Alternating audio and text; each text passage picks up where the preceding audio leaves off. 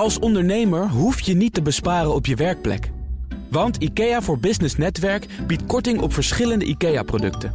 Word gratis lid en laat je werkplek voor je werken. IKEA, een wereld aan ideeën. Baanbrekende businessmodellen wordt mede mogelijk gemaakt door Salesforce. Verenig je rond je klant met Salesforce. Blijf scherp.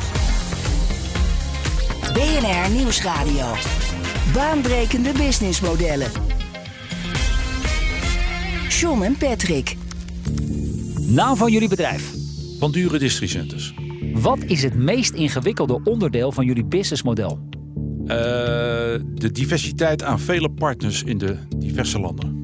Hoe vaak worden jullie benaderd door partijen die de boel willen overnemen? Oh, dat wordt meer en meer. We zijn toch wel ergens uniek in. Wat is de beste remedie tegen het personeelstekort in de branche?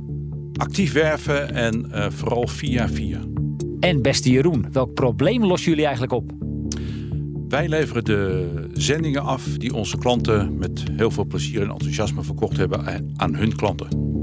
Over bedrijven die zichzelf opnieuw uitvinden en nieuwkomers die bestaande markten opschudden. Dit is baanbrekende businessmodellen. Met mij John van Schagen en Patrick van der Pijl. Onze gasten zijn Jeroen en Jasper van Duren van Van Duren Districenters. Van harte welkom heren in de studio. Dankjewel. Ja, twee broers die ook redelijk hetzelfde klinken. Uh, weet ik ook inmiddels uh, uit de voorgesprekken. Ik ga mijn best doen voor de luisteraars om het een beetje ja, duidelijk te maken wie ze nu eigenlijk horen. We hebben het over een transportbedrijf sinds uh, 1892. Uh, jullie zijn de hoeveelste generatie? Wij zijn de vierde generatie. Ja, zo'n 300 mensen op de vrachtwagen en op kantoor. En het richtgebied is heel Europa. Zeg ik het zo goed? Ja, alles wat met de auto te bereiken is. Wat opvalt in jullie historie, um, dat is met name die periode 2000-2004.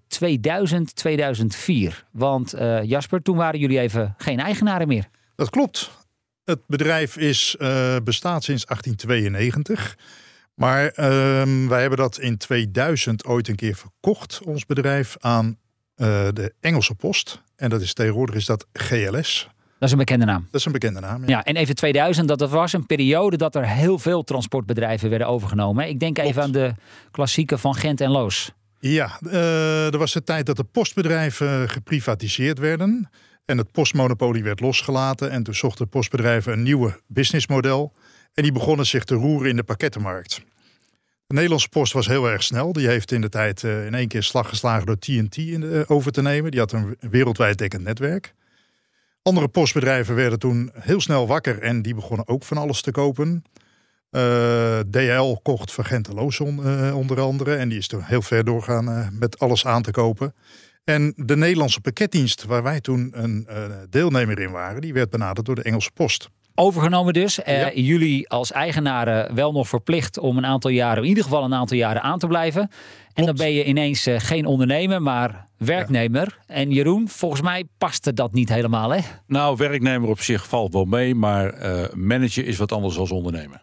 En, en toen dat... na een jaar of vier dachten jullie, we exact. moeten de boel toch maar weer gaan overnemen. Maar toen hebben jullie een deel van het bedrijf weer teruggekocht. Een heel klein deeltje. We, hebben vier ondernemingen verkocht. En het kleinste onderdeeltje, wat een paar ton omzet maar deed, uh, dat, dat hebben ze meegenomen. Was nooit echt interessant.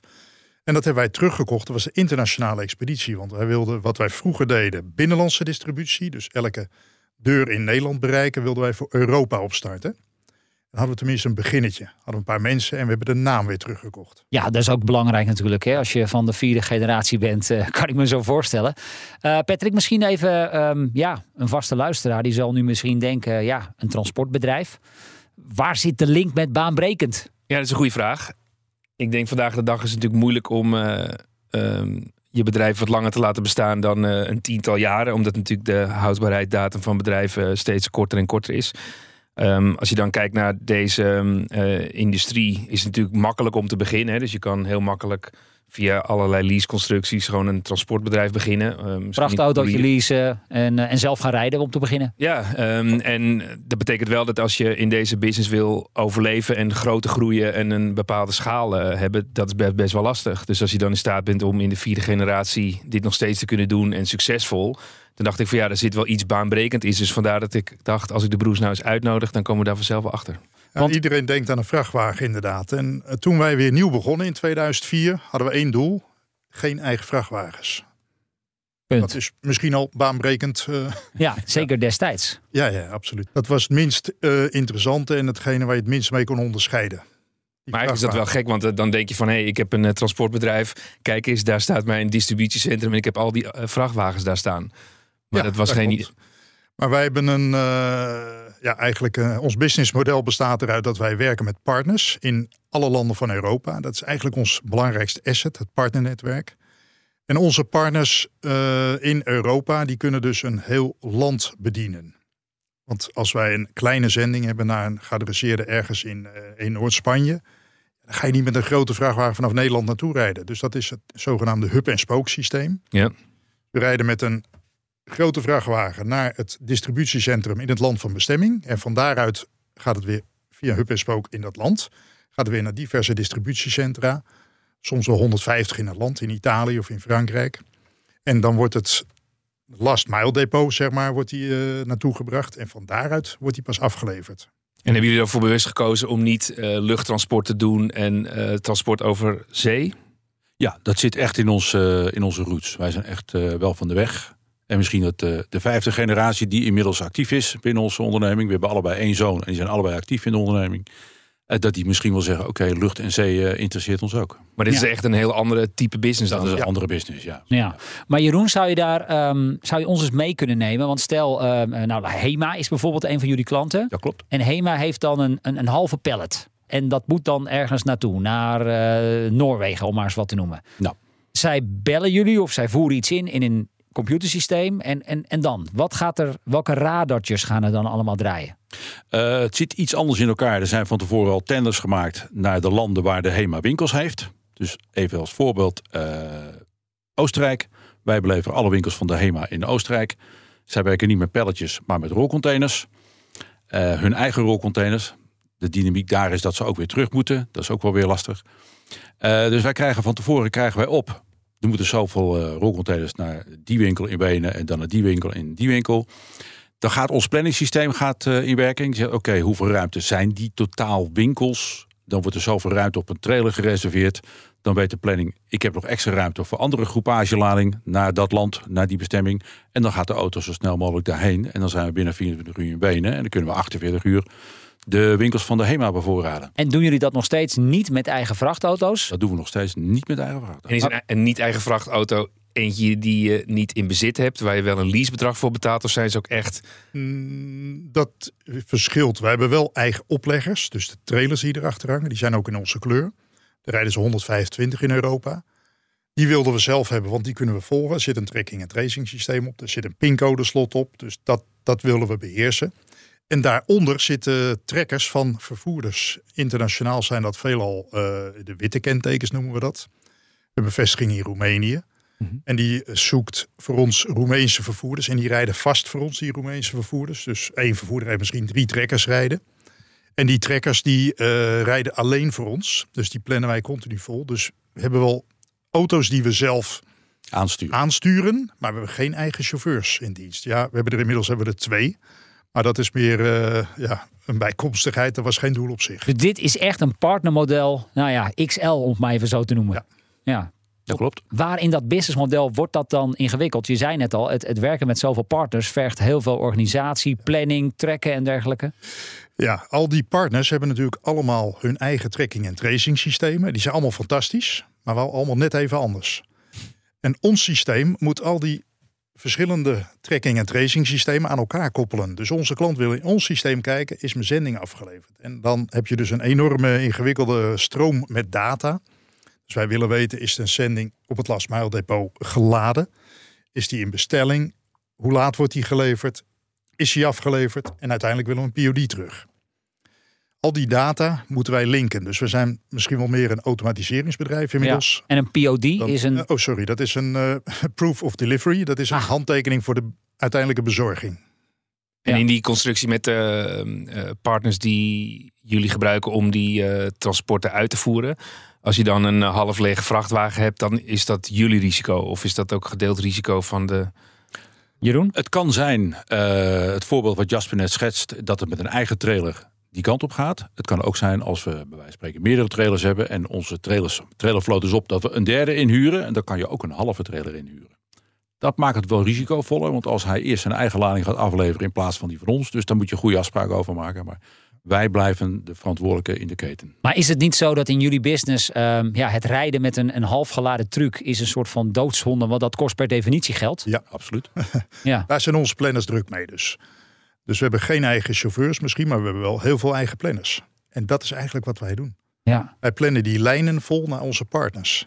En andersom, wij, we hebben natuurlijk altijd gedacht, we hebben een partnermodel. Wij besteden onze bezendingen uit. Maar die partners die leveren voor ons af, maar die willen ook wel graag dat wij voor hun in Nederland afleveren. Dus we hebben drie jaar geleden ruim hebben wij eh, weer een binnenlands distributienetwerk ook opgericht. En daarom zitten wij ook in Vianen. Dat is het logistieke hart van Nederland. Absolute centrum. En van daaruit leveren wij met zo'n 50 auto's heel Nederland weer zelf af. Ja, dus je zit eigenlijk onderdeel van een eh, Europees netwerk met ieders eigen hub. klopt, en, Klopt, eh, ja. Ja. Ja. En Jeroen, ehm, zo'n partnernetwerk. eh, jullie starten destijds eh, in 2004. eh, nou ja, met een, een, een handjevol mensen en, en nou, vrijwel geen contacten. Inmiddels hebben jullie een heel, althans wel contacten, maar vooral internationaal moest er nog wel wat werk verzet worden. Eh, inmiddels hebben jullie een, een, een enorm partnernetwerk. Hoe bouw je zoiets op? Want eh, dat is, dat is denk ik meer dan even een telefoontje ergens naartoe plegen. Nou, daar begint het vaak wel mee. Ja? Ja, in de, in de vier jaar dat we bij eh, GLS hebben gewerkt, eh, was ik wel zo slim om in die tussentijd af en toe eens een weekje vrij te nemen en mijn oude contacten even op te zoeken en een bezoekje te brengen. Dat ligt toch altijd goed in de relatiesfeer en je weet nooit waar het goed voor is. Dus dat was vrij makkelijk om een aantal landen weer te starten, zoals Italië en Frankrijk. Ja. Ja, en als je dan in contact bent met die, eh, met die landen, dan, eh, ga, dan vraag je van, goh, met wie werk jij in Engeland? Of met wie werk jij in Duitsland? En zou je me kunnen introduceren? Nou, dan pak je weer de auto, het vliegtuig. Het is gewoon heel actief zijn. Eh, Je netwerk activeren, bouwen. bouwen, bouwen, ja. ja. En dat is, gaat, daar gaat jaren overheen natuurlijk. jaren overheen. Ja, ja. En als je dan kijkt naar ehm, zo'n HEMA of een, eh, misschien een andere relatie voor jullie met wie je werkt.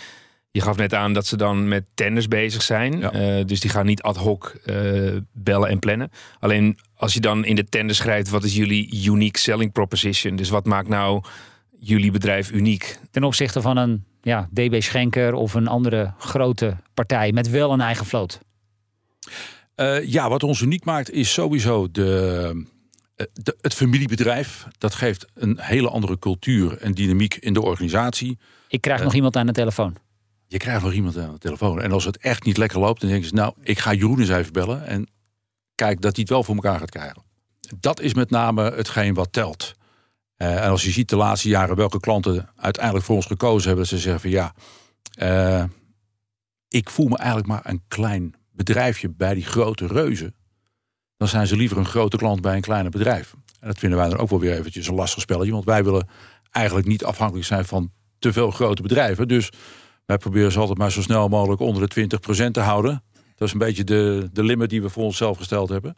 Maar in het begin hebben we daar best wel moeite mee gehad. Dat we hadden, hadden we een grote klant die had, eh, ik geloof, 60% van ons omzet. Ja, dat is risicovol. Ja, dat was gewoon... eh, Ik zat eens te kijken in, naar de cijfers over pakketbezorging in Nederland. En daar in 2021 gingen er 654 miljoen pakketten eh, in het binnenland eh, werden die verstuurd. Ehm, hoeveel aandeel hebben jullie daarvan?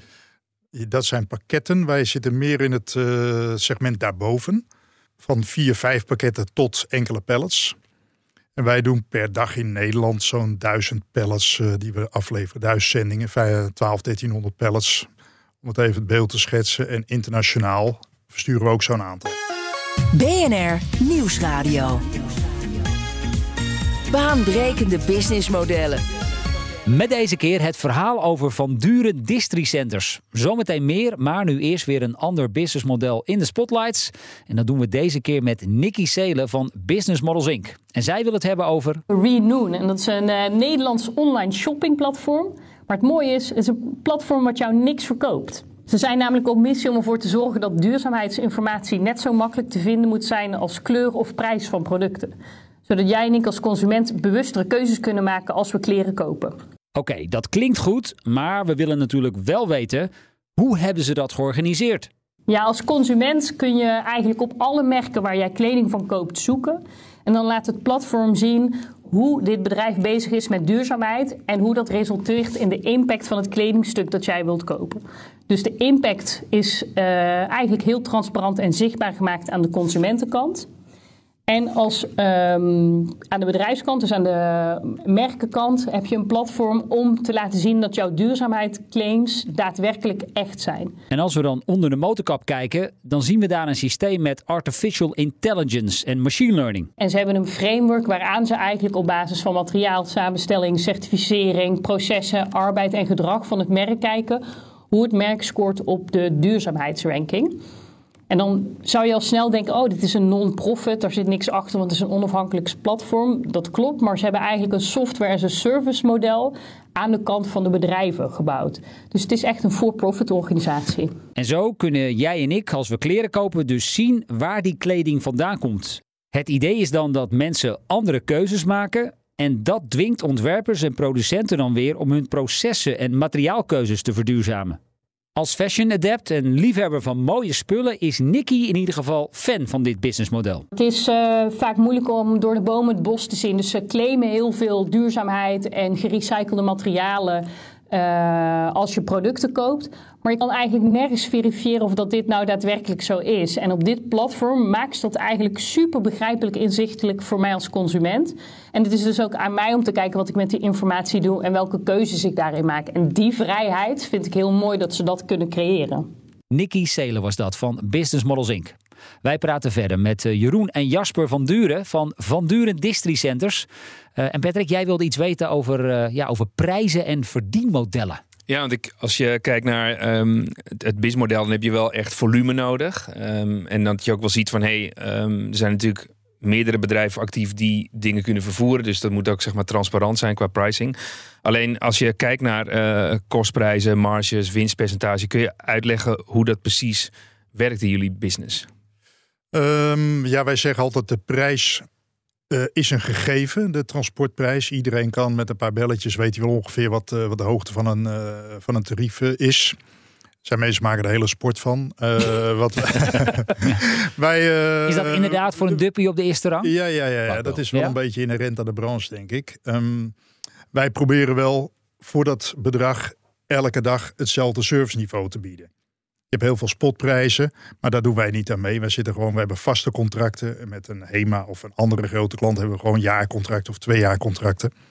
Dus daar hebben we onze capaciteit op afgestemd. Maar stel dat er uh, vandaag een bedrijf belt en die heeft nog een aantal uh, trailer of hè, daar moet een aantal, uh, nou ja, noemen pallets met, met kleding moet er naar, naar Wenen gebracht ja. worden. En die willen, die informeren dan even naar de, naar de prijs. Dan is dat, dat ga je daar dan wel in mee? Of? Ja hoor. Ja, dat, dat, dat wel. gebeurt zeker. Ja. Oké, okay, dus dat soort ad hoc bestellingen krijg je ook. Ja, dat klopt zeker. Maar dat is niet de uh, hoofdmoot. We hebben het meeste werken wij vast voor uh, grote relaties.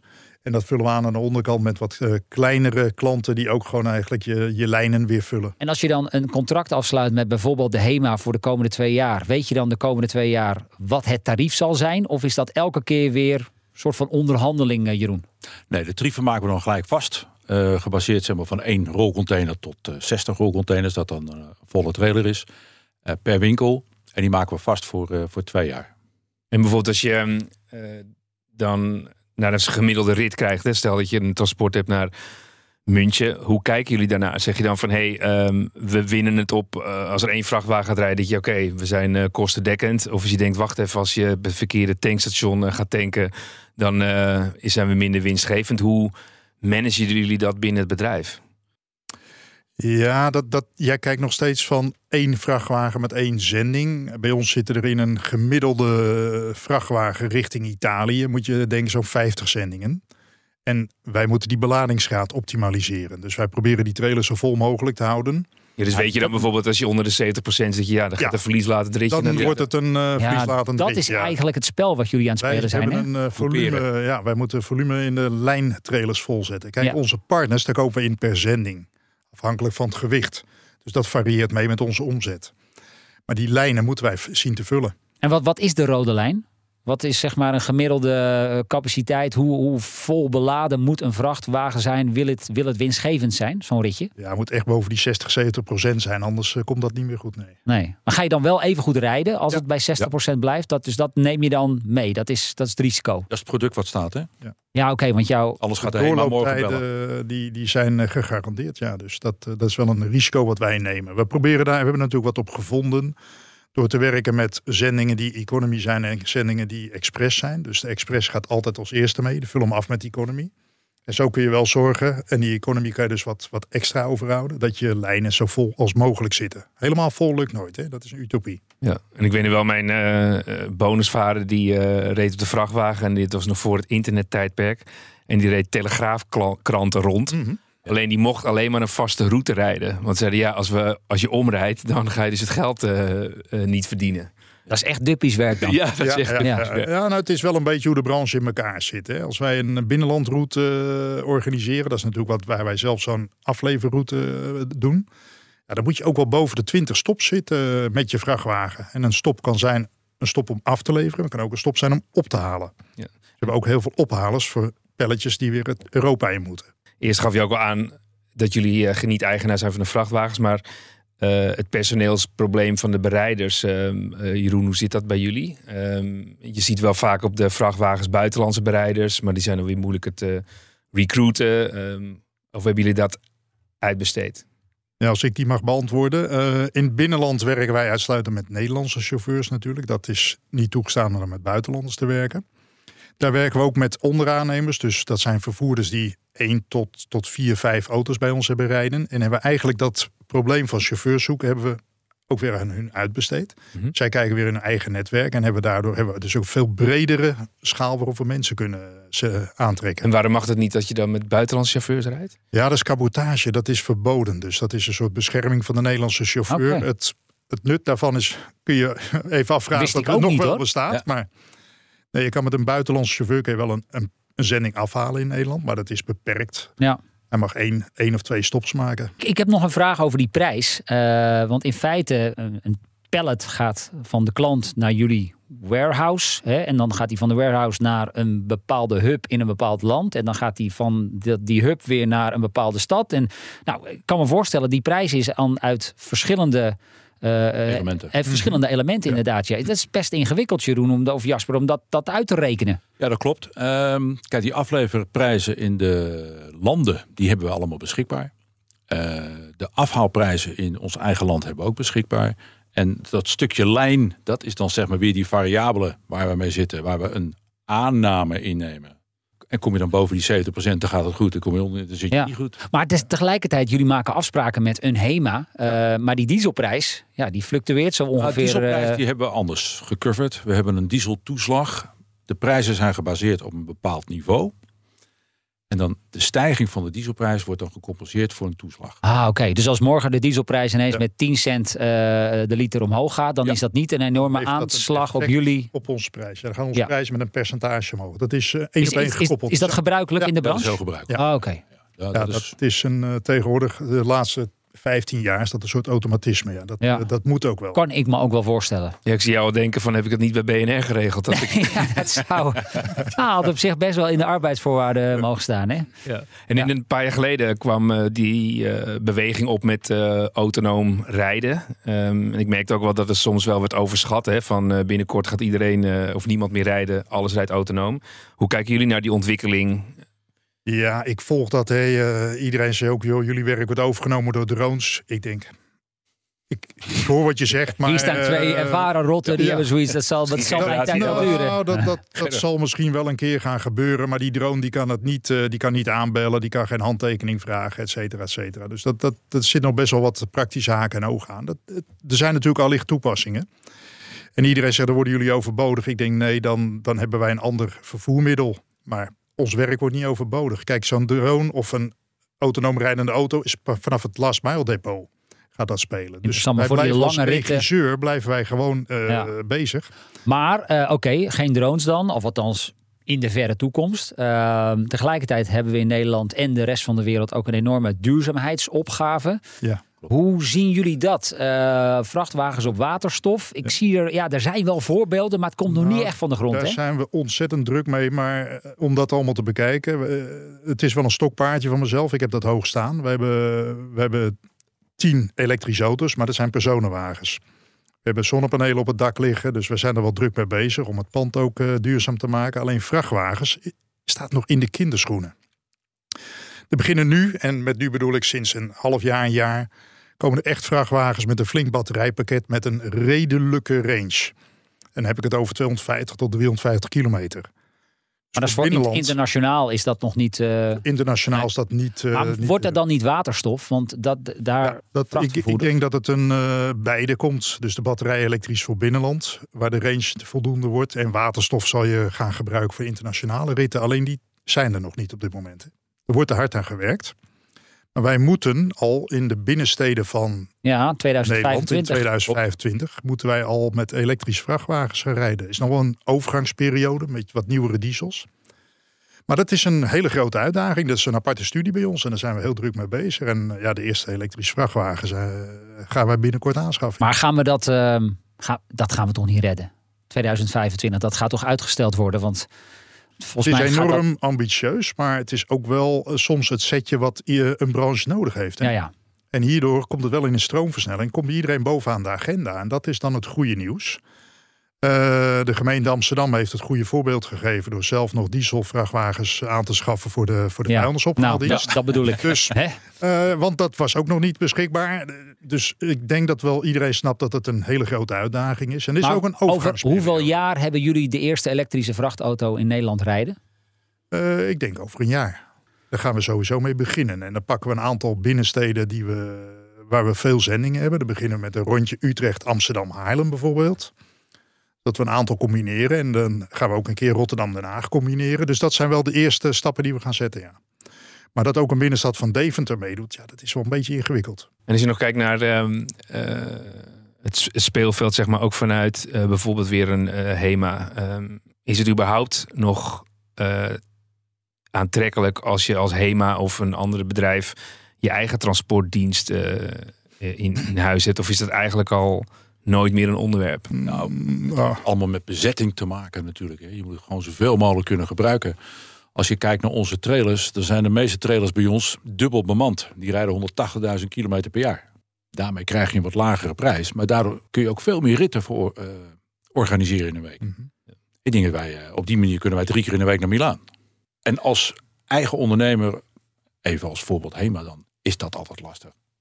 Ja, want zo'n HEMA, bijvoorbeeld, wat vindt die belangrijk? Is dat inderdaad eh, binnen 24 uur moet het in Milaan zijn? Of, of, of stellen ze hele andere eisen? Wat, wat kun je daarover zeggen? Eh, sowieso dat tijd speelt een, grote, Ja? speelt een grote rol. De goederen moeten in goede kwaliteit aankomen, uiteraard. Eh, je hebt een aantal specifieke kenmerken. Met Pasen gaan er ook chocolade paashaasjes mee. Die mogen niet gesmolten aankomen. Maar dat is met name wel hetgeen waar het om draait. En waar Op gaat tijd. het wel eens mis?